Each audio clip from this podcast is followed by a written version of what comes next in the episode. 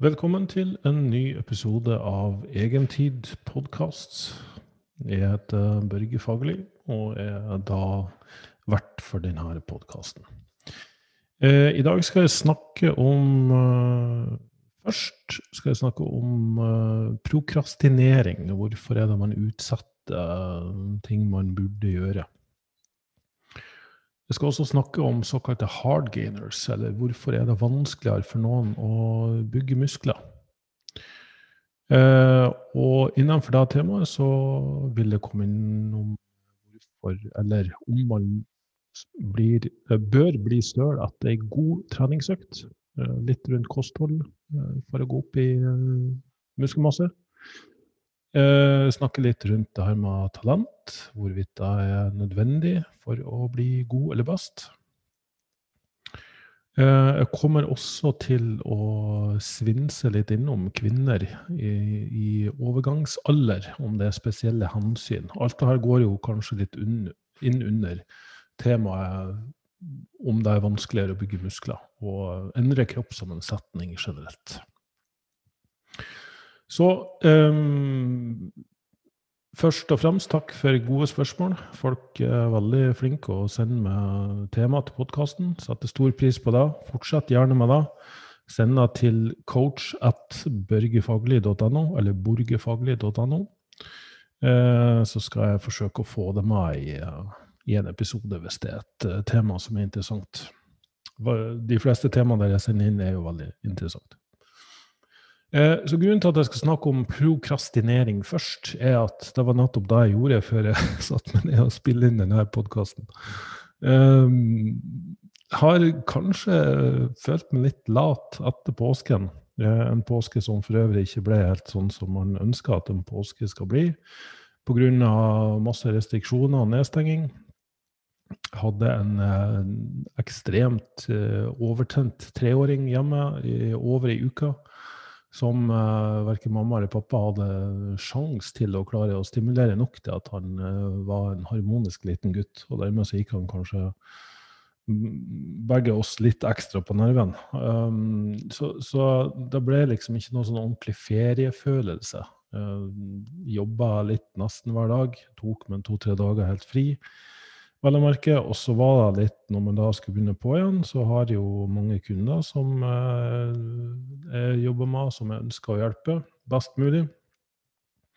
Og da krever det en del fokus. Um, og så blir denne innspillinga av podkasten litt sånn burde. Og, der ligger kanskje mye av årsaken til at man utsetter ting som man vet er ganske viktige, og kanskje til og med ting som man ønsker å holde på med. Jeg syns jo det her å spille inn podkast. Er ganske gøy når det først kommer i gang. Um, så, så, de strategiene som har fungert best for meg når det gjelder sånne ting um, Først og fremst prøv å kjenne litt på denne burde-følelsen. Uh, for meg så skaper det litt sånn uro. Det er sånn at jeg vet at det er noe jeg burde gjøre, og det er akkurat som om man bare utsetter og utsetter det. Jeg skal ta det i morgen, jeg skal ta det neste uke, eller jeg skal ta det den og den dagen. At det på en måte blir hengende over hodet. Eh, og da fant jeg ut at, at uh, for veldig mye ting som skaper stress eller uro uh, i kroppen vår, har vi jo en tendens til å prøve å distrahere oss bort fra. Og en klassisk måte å distrahere seg bort fra det på å begynne å holde på med ting som man heller har lyst til å gjøre. Alt fra å scrolle på sosiale medier til å uh, se på en TV-serie eller um, Ja. Um, og da forsøkte jeg rett og slett bare å prøve å sitte I stedet for å rømme fra denne følelsen, så prøvde jeg bare å sitte litt i den følelsen. Eh, Ønsk den velkommen, om du vil. Romme den følelsen av skulle, burde, hva det lå på. Um, og det er sånn jeg vet at det er mange der ute som har stor verdi, nytteverdi av denne podkasten. Så da burde jeg spille den her inn, uh, for deres skyld. Uh, mye av det som driver med, det er jo nettopp da å hjelpe andre mennesker men det kan jo være da i mitt tilfelle at hvis jeg gjør for mye bare for andre, og ikke nok for meg sjøl, så kan det en liten sånn interessekonflikt eller identitetskrise. At man eh, må jo gjøre ting for seg sjøl også. Man må velge å gjøre ting for seg sjøl. Eh, som man ønsker å gjøre. Og da var jo neste tankerekke ok, er det her noe jeg faktisk ønsker å gjøre sjøl? Er det noe jeg trives med å gjøre? Og, og svaret på det er jo, er jo et ja. Jeg trives jo veldig med å sitte og tankemyldre litt eh, for noen som gidder å høre på. Um, neste trinn som kan være fornuftig, det er rett og slett bare å sette deg i kalenderen. Jeg har jo en kalender der jeg booker inn uh, alle samtaler som jeg har med kunder hver uke. Og så er det egentlig kanskje fort gjort at man da ikke booker inn det man, det man burde gjøre. Um, og i dette tilfellet så gikk det fra hva, hva noe man burde, til noe jeg ønsker å gjøre. Så når jeg ønsker å gjøre det, så er det straks litt lettere å gjøre det. Eh, Booka i kalenderen. Og så er det her med å eh, det, det sikkert, Vi har sikkert en tendens til å hoppe på det vi ønsker å gjøre først, og så spare det vi burde gjøre, eller som uh, har litt høyere terskel til slutt. Og det her var jo en studie som sikkert mange har hørt om, der de um, utsatte barn for en Det heter marshmallow-testen. Eh, der ble barn satt i et rom, og så satt de en marshmallow på bordet, og så sa den eh, personen som var ansvarlig for forsøket, nå skal jeg gå ut av rommet. Og kommer tilbake om noen minutter, og hvis du da ikke har spist den marshmallowen, så eh, skal du få to.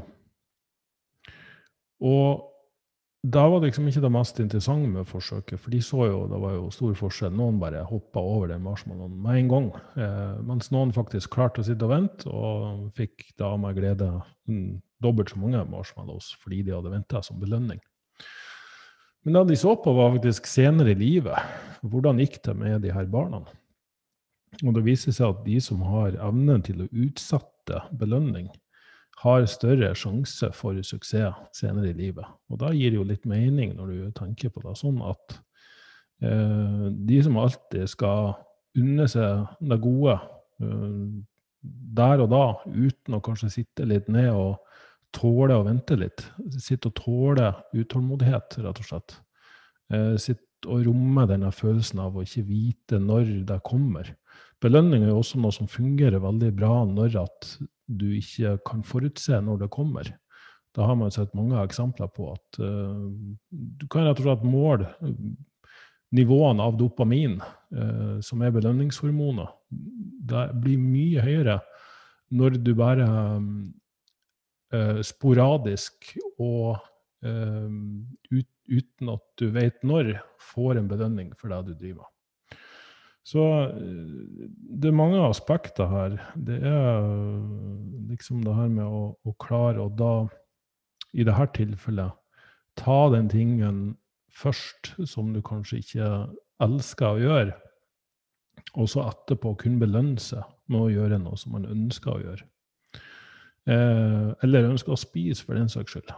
Forteller sjøl at bare fullfører denne oppgaven, så skal jeg ta med en uh, sjokoladebit etterpå, eller en dessert, eller ekstra godt måltid, eller en uh, Ja, det du liker å gjøre. Uh, så jeg vil kanskje si at da, de, de, tingene her, hvis du da ikke har endt opp med å gjennomføre den, den, tingen du skulle ha gjort, så må du kanskje reflektere litt over om det her er noe som um, om det er noe som du bare tolererer og holder ut stadig vekk, er det noe du kan delegere bort hvis du har ansvaret for det? Eh, er det noe som, som har med skole å gjøre, f.eks. studier? Eller at det er en essensiell del av jobben din, men som du ikke kan delegere bort og gi til noen andre? Så må du prøve å tenke litt større på det. For det kan hende at den øvelsen jeg snakka om i stad, da Sitte i den og, og kjenne litt på den uroen, eh, romme den, tåle den. Det interessante som ofte oppstår når du sitter med en følelse, er at den går over av seg sjøl. Hvis du prøver å skyve den bort, så kommer den sterkere tilbake. Så, så da å klare å sitte litt i den eh, Interessant nok har jeg oppdaga mange ganger at da spontant så er det mye lettere å faktisk bare gjøre det som, som jeg tenkte var ukomfortabelt. Men det kan også være at det ikke slutta å være ukomfortabelt. At du rett og slett bare kjenner vet du hva, det her er noe som er virkelig bare ikke Det her faget, denne oppgaven, eh, det å ta den telefonen, hva enn det er, det er rett og slett ikke noe som jeg trives med. Det er noe som andre har bestemt at jeg skal gjøre, og som jeg bare må tolerere. Og er litt lei av å tolerere det. Og så er det jo da spørsmålet da, noe du kan ta opp med den som har gitt deg det her, eller det systemet som har pålagt deg det her. Eh, kan du ta en konfrontasjon rundt det? Eh, av og til kan du det. Eh, av og til kan du forhandle det fram til at uh, du skal slippe å gjøre det, eller at andre skal gjøre det. Um, det kan ende opp med at du allikevel er nødt til å gjøre det. Og da er vi vel egentlig kanskje på, på slutten av denne uh, rekka med punkter, da, at hvis du klarer å se litt større på det, hvis det her er det som til syvende og sist gjør at du får lønn på konto hver måned, hvis det er det som gjør at du får en utdanning som, som, du, som gir deg en jobb som du vil elske å holde på med, eller som, som du har valgt sjøl, så, så, må du la de større, det større perspektivet, den, den goden på enden av den, den gullgryta på enden av regnbuen, være det som driver det. Jeg husker det her faktisk fra jeg gikk på Ingeniørhøgskolen så var det mange fag som jeg syntes var drepende kjedelige, og som jeg overhodet ikke forsto poenget med.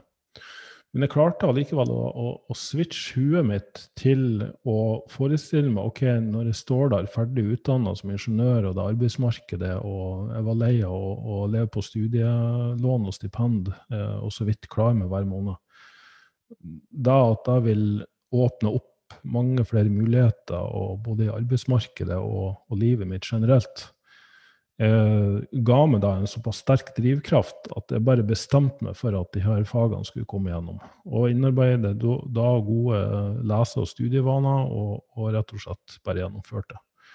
Og her tror jeg nok de aller fleste har mye mer kapasitet enn det de tror. Jeg er jo veldig interessert i at man skal kunne spare tid på det man gjør, og, og få mest mulig utbytte av de tingene man gjør. Eh, så det å lære seg en god studieteknikk eh, vil jeg si er kanskje noe av det første du, du bør gjøre.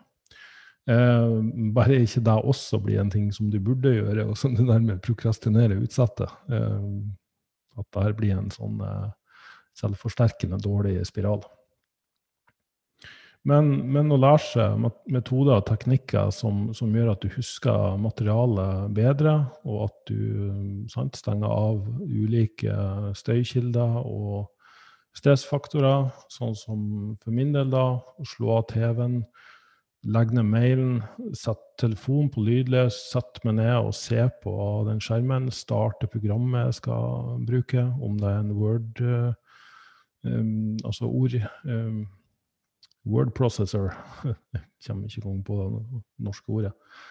Uh, regneark, hva enn det er snakk om. I dette tilfellet bruker jeg Zoom for å, for å ta opp uh, lyd og video.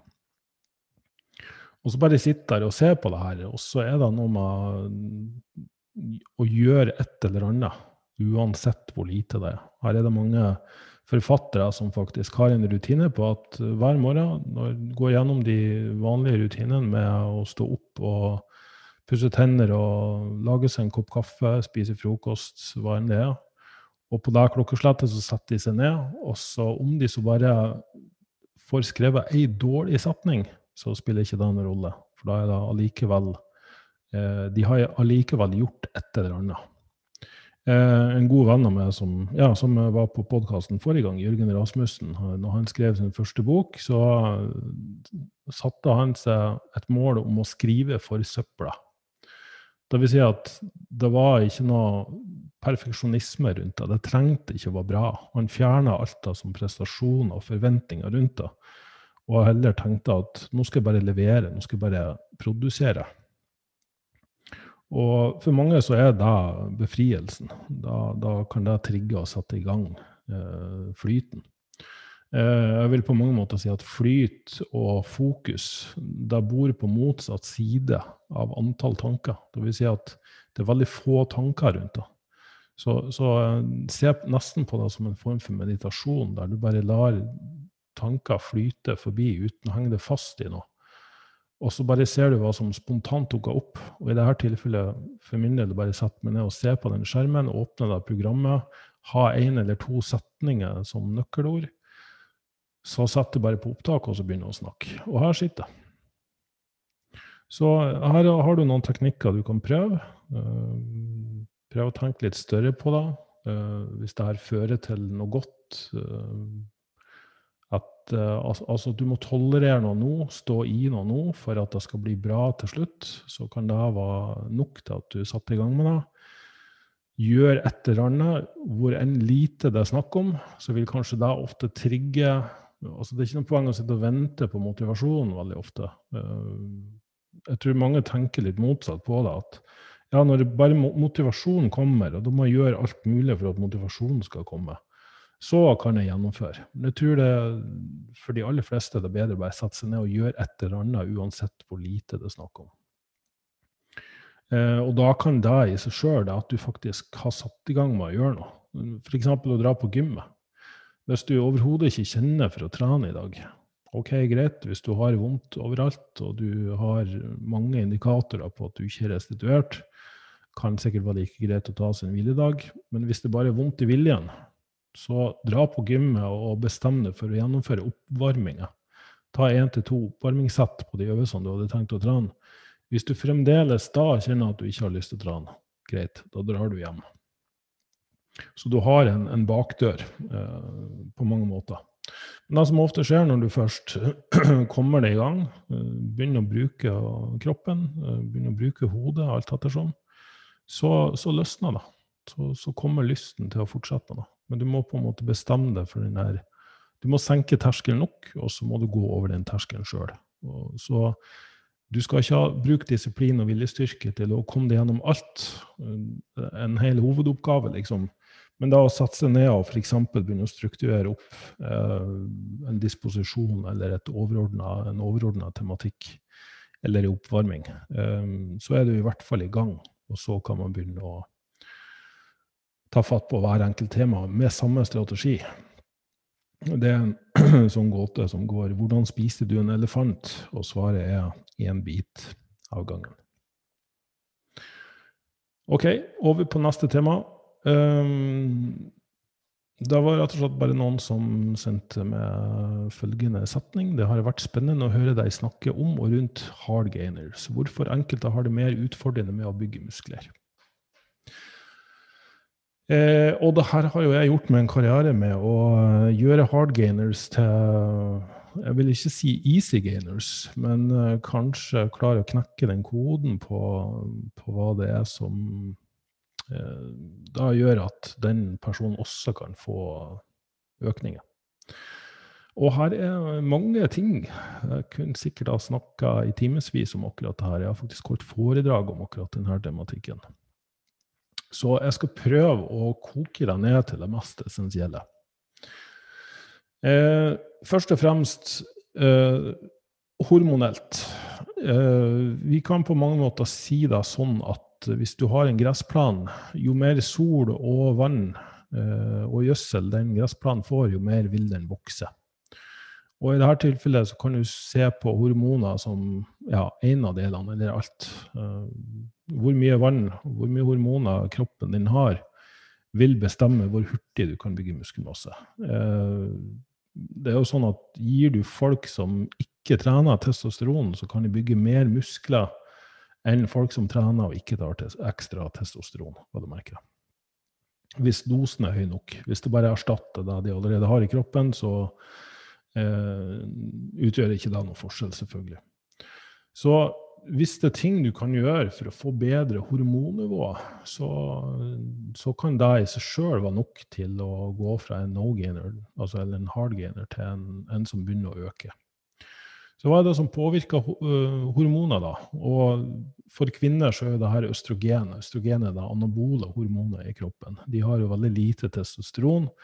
eh, sammenligna med en mann, men det viste at prosentvis så kan kvinner bygge like mye muskler som en mann. De har bare mindre utgangspunkt. Eh, så, så det er egentlig litt interessant eh, at, at, noen kanskje tenker på kvinner som et, et svakt kjønn i den forstand. Og det er klart at det er på samme måte som tynne og muskuløse gutter. Noen er født mer muskuløse enn andre.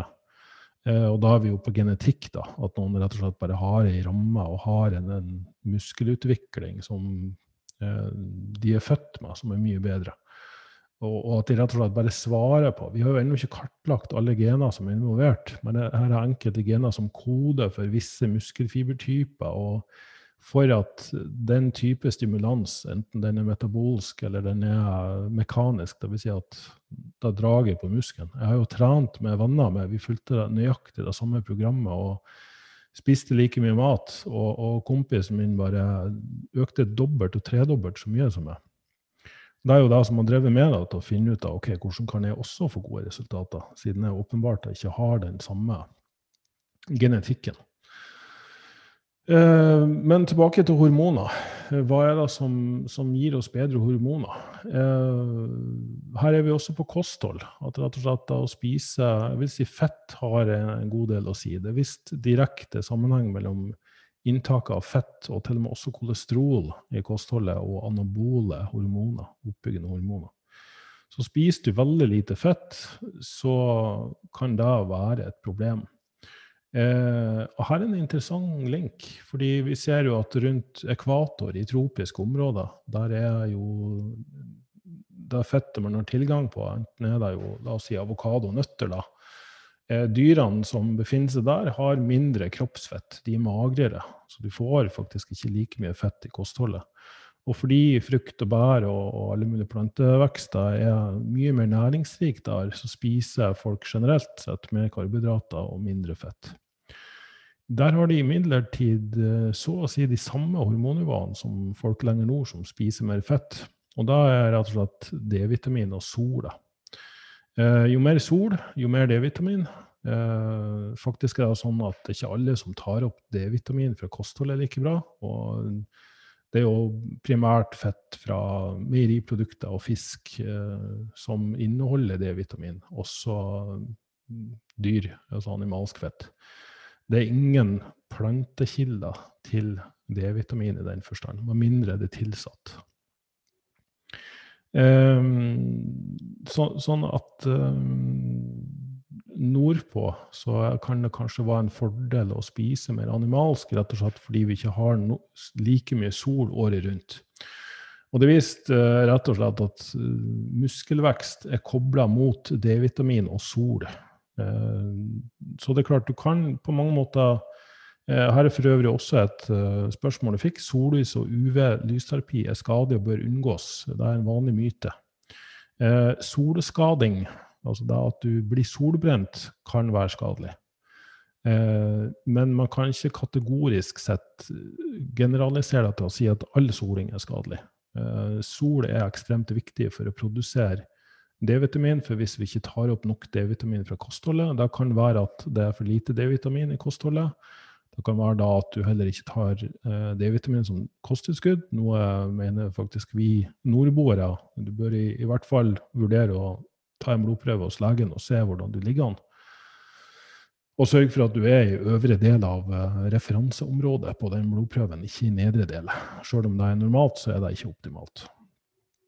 Eh, og hvis du da ikke tar opp nok fra kostholdet, tar kosttilskudd eller spiser D-vitaminrik kost, eh, så, er du avhengig av nok sol på kroppen. Så det å ha en gradvis eksponering av sol eh, regelmessig uten solfaktor, vil jeg si noe av det beste du kan gjøre for så utrolig mange funksjoner i kroppen. Faktisk er D-vitamin det er et litt uh, feilaktig begrep. D-vitamin er ikke et vitamin, det er et prohormon.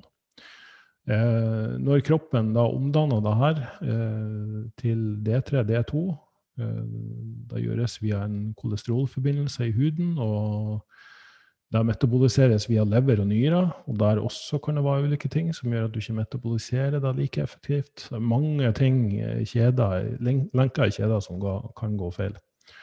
Så, så, så, så, vil altså da den hormonelle effekten som D-vitamin har på muskelmasse og, og, helse generelt, være mye dårligere. Jeg er jo til og med visst linker mellom at mange som blir smitta eller alvorlig syk av covid-19, koronavirus, har lave nivåer av D-vitamin. Og at du, hvis du korrigerer lave nivå, så, så er du bedre rusta til Altså immunforsvaret ditt er bedre rusta, rett og slett.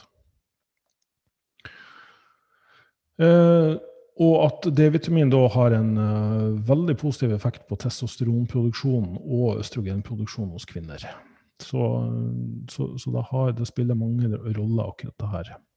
Nok kalorier har jo selvfølgelig også noe å si. Du må spise nok. Eh, hvis du konstant går på diett, så kan du heller ikke regne med at kroppen skal fordele ressurser til å bygge muskelmasse. Eh, eller reproduksjon, for den saks skyld, som igjen er hormonelt. Det har jeg snakka om i en tidligere podkast. Det her med den kalorimodellen som mange bruker. Eh, at kroppen eh, rett og slett bevarer eh, eller bevarer kalori- og energiforbruket innenfor et visst område, nettopp fordi det er så mange funksjoner i kroppen som er avhengig av nok næring. Og hvis du hele tida går og bruker den stressbaserte modellen for å gå ned i fettprosent, dvs. Si kaloriunderskudd, økt aktivitet, så går kroppen inn og stenger ned de ulike avdelingene som har med hormonproduksjon og energi, bevegelse, og da også i dette tilfellet muskelbygging. Så en gyllen regel med kalorier er å verken spise for mye eller for lite. Eh, spiser du veldig, veldig mye, så er det også som et spørsmål jeg gikk på. Hvis du føler at du tvangsfòrer deg for å gå opp i vekt, eh, både fett og muskelmasse, eh, jeg foretrekker å tenke på det på den måten. Hvis du, hvis du har uh, trent effektivt, så vil du kjenne at du er mer sulten. Det er veldig ofte et signal på at du har gitt en korrekt stimulans. Hvis du mister appetitten, mister matlysten, så kan det faktisk være et tegn på at du har gjort for mye. De som konstant går og trener både for ofte og for mye, de, de vil oppdage at det er nesten så kroppen blir mer motstandsdyktig mot, mot den treninga. Og at man da faktisk ikke føler at man har lyst til å spise mye mer. Og da har igjen kroppen begynt å gå inn og kompensere. Den uh, opplever ikke den stimulansen som noe annet enn bare en, en, påkjenning den må beskytte seg mot. Uh, den rekker ikke, eller har ikke ressurser og evne til å bygge seg større, og sterkere. Uh, og, da vil også der appetittsignalet forstyrres. Så hvis alt fungerer som det skal, så, så, vil du faktisk merke at du blir mer sulten når du har trent effektivt. Og her er òg studier som viser at de som gjort ved Norges idrettshøyskole for øvrig, de som spiste et konstant overskudd på 500 kalorier, uh, de la på seg like mye muskler som de som bare fulgte sultfølelsen og spiste etter matlyst. Eh, og da var tvert imot det de ønska å bevise. De ville jo bevise at ved å ha et kronisk kalorioverskudd på 500 per dag, så bygde du mer muskelmasse. Forskjellen i muskelmasse var marginal, men de som hadde et tvangsbelagt kalorioverskudd, de la på seg mye mer fett. Så, så, ta det som en lærdom. Prøv å greit nok følge et kosthold hvis du er sånn som meg, av natur, ikke så veldig glad i å spise mye. Det, det er nesten som om kroppen motsatte seg den endringa. Så jeg må telle kalorier for å sørge for at jeg spiser nok. Men jeg prøver også å ha kontakt med den sultfølelsen min. Hvis jeg da kjenner at jeg aldri går rundt og er spesielt sulten, greit nok, det er et tegn på at jeg spiser nok. Men jeg skal i hvert fall ikke gå dit at det tvangsfôrer meg, for da har jeg opplevd at jeg bygger overhodet ikke noe mer muskelmasse, eh, men heller mer fettmasse. Så eh, er det litt med livsstil for øvrig. Har du mye stress i livet ditt? Uh, totalsummen av stress i livet ditt, uh, om det så er at du spiser næringsfattig, at du trener for mye og for hardt, sånn at kroppen ikke klarer å restituere deg, eller at du tenker for mye og for hardt. Eh, jeg vil også snakke om søvn og biorytmer. Så hvis du ikke får nok timer søvn per natt, da bør du eh, gjøre det du kan for å sove dypere og sove mer. Hvis du rett og slett våkner hver morgen uten å føle deg uthvilt, eh, så, er det et dårlig tegn.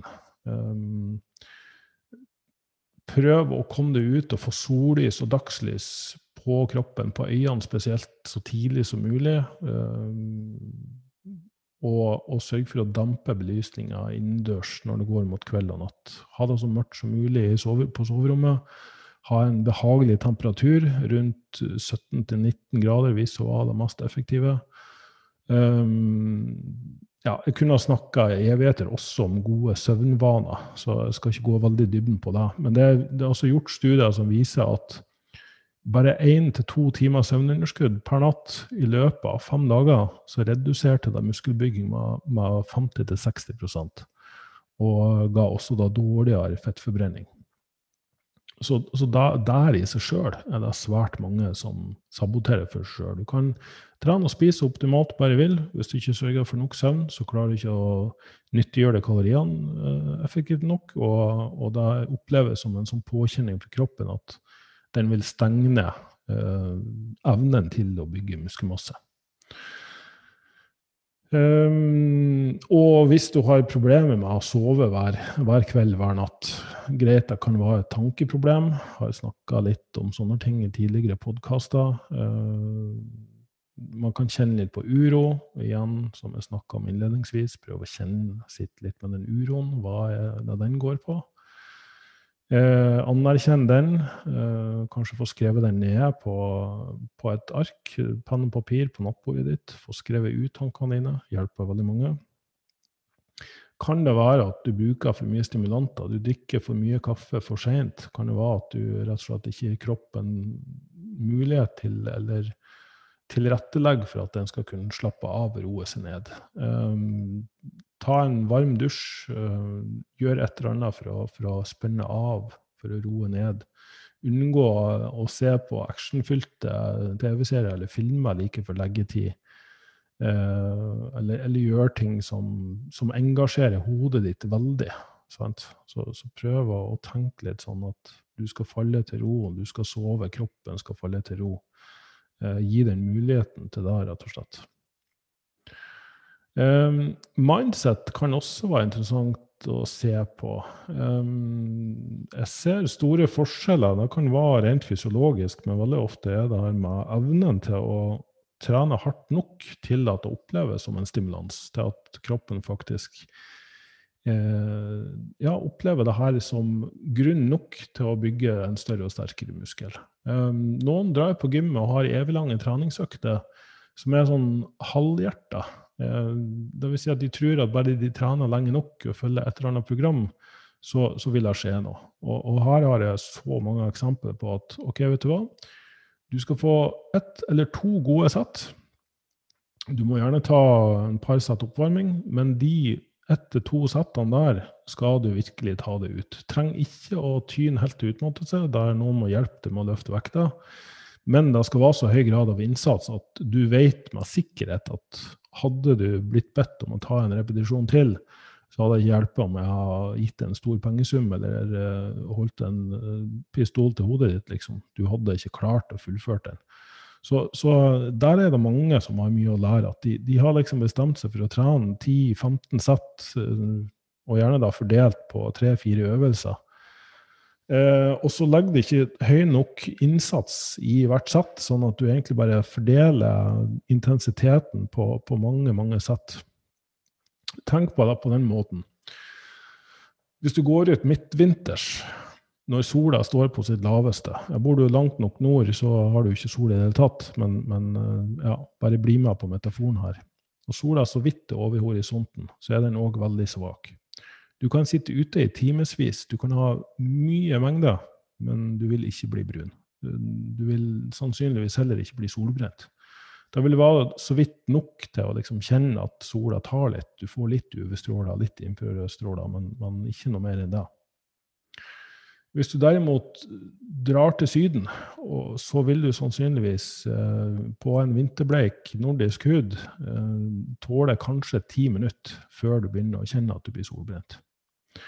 Eh, og jeg håper du skjønner metaforen her. Eh, det er ikke dermed sagt at du skal trene på de tyngste vektene, eh, laveste volumene og laveste repetisjonene, eh, men at for akkurat når det gjelder adopsjon, i hvert fall når det gjelder å få en muskel til å vokse og da bli sterkere, så må du utfordre deg nok. Det hjelper ikke med mengde. Mengde er fint og flott hvis du trenger utholdenhet.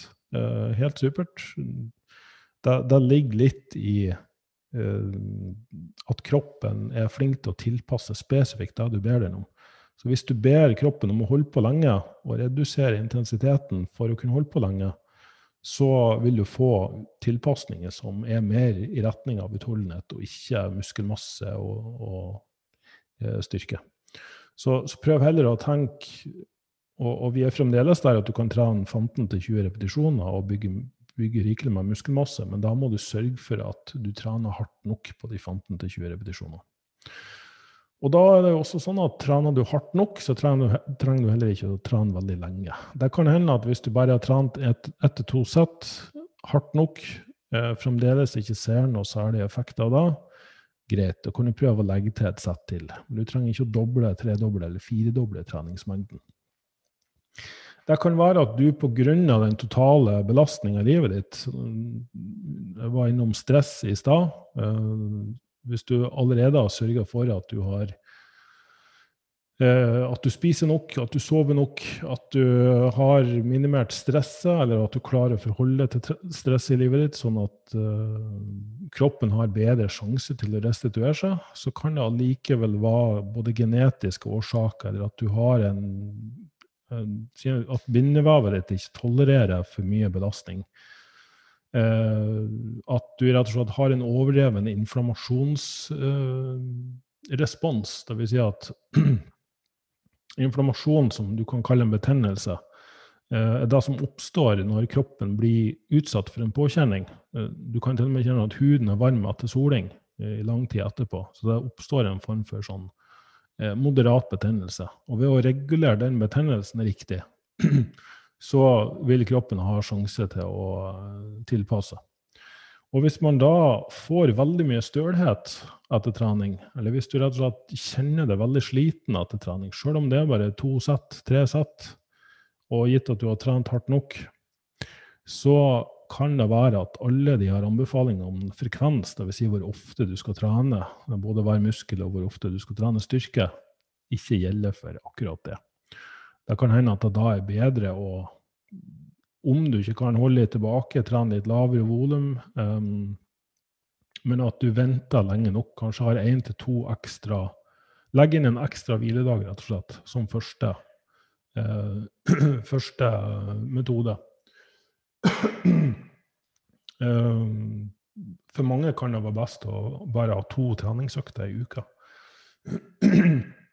Eh, nå har det vært en trend i bransjen om at vi skal trene oftere og oftere, basert på enkelte studier. Men jeg har kommet fram til det at uh, for de aller fleste så, så, bør en muskel kun trenes hver tredje til femte dag. For de aller fleste. Trenes hardt nok og med et moderat volum, så kan du ha progresjon og framgang over lengre tid. Gjerne legg til et sett her og der Gjerne prøv å trene hver muskelgruppe oftere også, så lenge du holder intensitet og volum lavt. Men, men, jeg har sett oftere og oftere at det er bedre for folk som har vanlig liv, og kanskje ikke alt på plass med alle de faktorene vi nå har nevnt, at de rett og slett bare venter lengre med å trene hver muskelgruppe. Her er, her er til og med folk nå som har gått tilbake til de klassiske bro-splittene, som vi kaller det Eh, altså de, fra 80-90-tallet så var det de fleste kroppsbyggere trente jo hver muskelgruppe én gang i uka. Eh, og selvfølgelig, ser man bort fra bruken av anabole steroider, så var jo det her også noe som fungerte for helt vanlige folk. Og grunnen til det er sikkert at det er ikke alle som har den restitusjonsevnen, eller gjort det de kan for å optimalisere restitusjonen sin, til å kunne trene hver muskelgruppe oftere. Eh, så, jeg vil nesten slå et slag for at, å la pendelen svinge litt andre veien også. Det kan hende at da trener hver muskelgruppe sjeldnere. Bare ikke kompensere for det med å trene sånn som kroppsbyggerne på den tida gjorde. De trente jo 20 sett og mer per treningsøkt på den muskelgruppa. Fire satt på brystet liksom, og fire øvelser. Fem øvelser, liksom.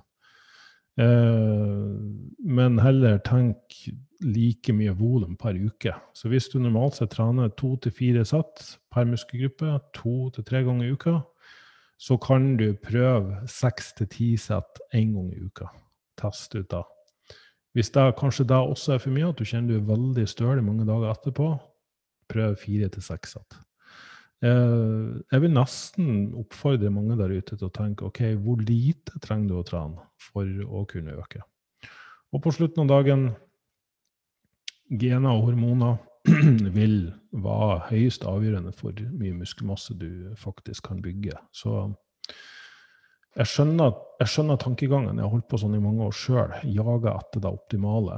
Trent mer, utfordra, testa grensene det kan gi gode resultater da. Og kanskje hvis du nå er litt satt, dvs. Si at du står litt fast, trener helt moderat, kjenner restituert, at du egentlig ikke opplever noen som helst slags stølhet eller ser noe økning, greit. Prøv med litt mer volum og litt mer frekvens, men for mange vil jeg nesten utfordre dere til å prøve litt mindre. Um, da tror jeg jeg har vært gjennom det aller meste. Um, jo, kanskje til slutt der. Jeg har ikke talent, så derfor kan jeg aldri bli god og best. Og nå viste det seg da at uh, ja, greit. Mange av studiene som ser på både frekvens og volum, de ser at spesielt på studier der det ene beinet får trene med høy frekvens eller høyt volum, det andre beinet med lavt, så ser de at individuelt så er det mye større forskjeller uavhengig av treningsvariablene. Vil si at de som eh, legger på så mye muskler, de bare gjør det. Refta her med hardgainers, at noen faktisk ikke bygger så mye muskler, enten de trener mye eller lite. Uh, men tenk da heller at ok, da kan det hende at du bare skal bruke lengre tid på det. Eller at du skal gjøre det smart. Eh, men det viser jo også at mange av de som er easy gainers, dvs. Si at de legger på seg veldig mye muskelmasse veldig fort, kan også være de som stagnerer mye raskere. Vil si at de kanskje bare kjører på fordi de ser at kroppen svarer så bra, og så lytter de ikke til alle signaler om at de burde ta det litt mer med ro. Uh, og mange av dere har sikkert hørt om den 10 000-timersregelen. Det var Malcolm Gladwell som kom med den, at for å bli god i noe, så må du ha 10 000 timer trening, uh, øvelse. Uansett om det er å spille fiolin eller det, det er å bli god i en sport. Den har jo senere blitt veldig mye kritisert, og eh, jeg er både enig og uenig i det. Jeg tror det er mulig å bli god mye raskere enn det hvis du har gener øh, og hormoner og alt på plass. I hvert fall når det gjelder muskelbygging og styrke. Men det er noe som heter fokusert praksis. Vil si at du kan bli veldig god i noe hvis når du først jobber med det, så jobber du smart og effektivt uten mange distraksjoner. Så det å få tilgang på denne flytsonen, det der fraværet av tanker når du holder på med noe, det ser ut til å være en, en trigger for mye større progresjon og framgang enn eh, ja, enn å bare gjøre mye. Og det skal også sies at det er veldig mange med talent som åpenbart bare responderer mye bedre på alt de gjør, som allikevel ikke har blitt gode fordi de har blitt litt høy på suksessen sin. De har slutta å ta det seriøst og alvorlig. De har liksom følt at de bare kan surfe på talentet sitt. Og så egentlig endt opp med at de har blitt utkonkurrert av de som har jobba smartere, hardere, lengre. Eh, you name it. Dette ser vi både innen idrett og innen musikk og, og dans og, og, hva du enn vil eh, snakke om. Business også, for den saks skyld. Det er de som, som, tar litt kalkulerte valg, de som um, prøver å faktisk kjenne litt innover på hva er det jeg trenger akkurat nå, hva er det som gir best mulig utbytte. Hva er de 20% som vil gi 80% resultat, sånn at jeg heller kan bruke de, den resterende 80 av tida mi på, på, noe annet som, som, som, gjør at jeg har det bra i livet mitt? Eh, jeg vil nesten slå et slag for den. Eh, oppfordre folk til å tenke litt sånn på, på mange ting. Ved fokusert praksis, tren smart, jobb smart, effektivt, fokusert, så vil du sannsynligvis uh, få mye bedre resultater enn det du noensinne kunne forestilt deg. Igjen, jeg har gjort en karriere av å hjelpe mennesker med å oppnå det her, ikke bare på trening, men også i livet sitt generelt. Uh, og jeg vil si jeg har, uh, jeg har jo en ingeniørs mindset, men også en stor grad av intuisjon og instinkt på rett og slett prøve å se på individet. Hva er det som holder det igjen? Og i mange tilfeller er det så enkelt som de har latt det gå sport i og sove bare fem til seks timer hver natt. I andre tilfeller så er det totalbildet. Det er liksom hvor mye de tenker og grubler. Og, og det at de er så obsesst med å ha en sixpack året rundt at de rett og slett kronisk underspiser. Eh, de har falt for eh, ulike påstander på nett og programmer på nett som de følger slavisk, uten å faktisk eh, måle og vurdere hvorvidt det her fungerer for de. Så, så veldig ofte er nøkkelen å bare finne den dosen, den, den optimale 20 der inne, som gir det det aller beste resultatet. Så sjøl om ikke alle kan ha talent eller var easy gainers, eh, så, så handler det rett og slett bare om litt eh, evnen til å stoppe opp og se hva du holder på med. Prøve å kanskje se på ting du ikke tror har noe å si. Eh, hvor mye du stresser over eksamen eller den plagsomme sjefen på jobb. og dermed kanskje hvor lite du sover. og at du har en tendens til å hoppe over frokosten og ty til raske løsninger, da hjelper ikke det aller beste programmet i verden. Eh, da, da er, når du får det på plass, så plutselig vil du oppleve at det begynner å løsne. Så, så jeg har jo mista tallet på hvor mange som har hatt bedre framgang på tre måneder enn de har hatt på tre år. Og de trener mindre enn de noen gang har gjort før. Men de, ja, poenget mitt er at Gjør ting smart og fokusert, så får du mye større utbytte av det. Eh, kanskje helt til slutt, kvinner i overgangsalder er det spesielle hensyn. Og, og da er vi litt på det her med hormonnivå. At rett og slett når de hormonene ikke er på plass Østrogen begynner jo å droppe dramatisk. Det er mange som tyr til hormontilskudd. Eh, da vil jeg støtte fullt ut, både når det gjelder kvinner og menn. Eh, men først og fremst gjør det du kan for å støtte all hormonproduksjon i kroppen. Det er vitamin, sol, eh, nok mat, næringsrik mat, nok fett i kostholdet, med mindre du bor rundt ekvator.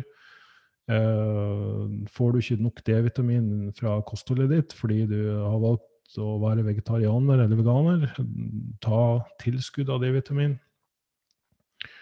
Men har du ikke det hormonene som tillate deg å trene mye og få respons av det. Vurdere å trene litt mindre.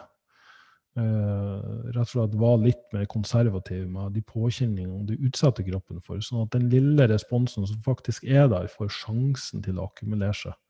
Så tren sjeldnere, ha flere hviledager, prøv heller å bruke de led, den ledige tida til avspenning, yoga, gåturer, litt daglig rolig aktivitet. Kall det aktiv hvile. Eh, jeg oppfordrer ingen til å bare ligge flatt ut på sofaen, med mindre du trener veldig hardt og har veldig mye stress i livet ditt. Men, eh, men rett og slett gi kroppen det den er evolusjonært programmert til, og det er daglig aktivitet og bevegelse. Ja, da er jeg tom. Jeg har ikke mer.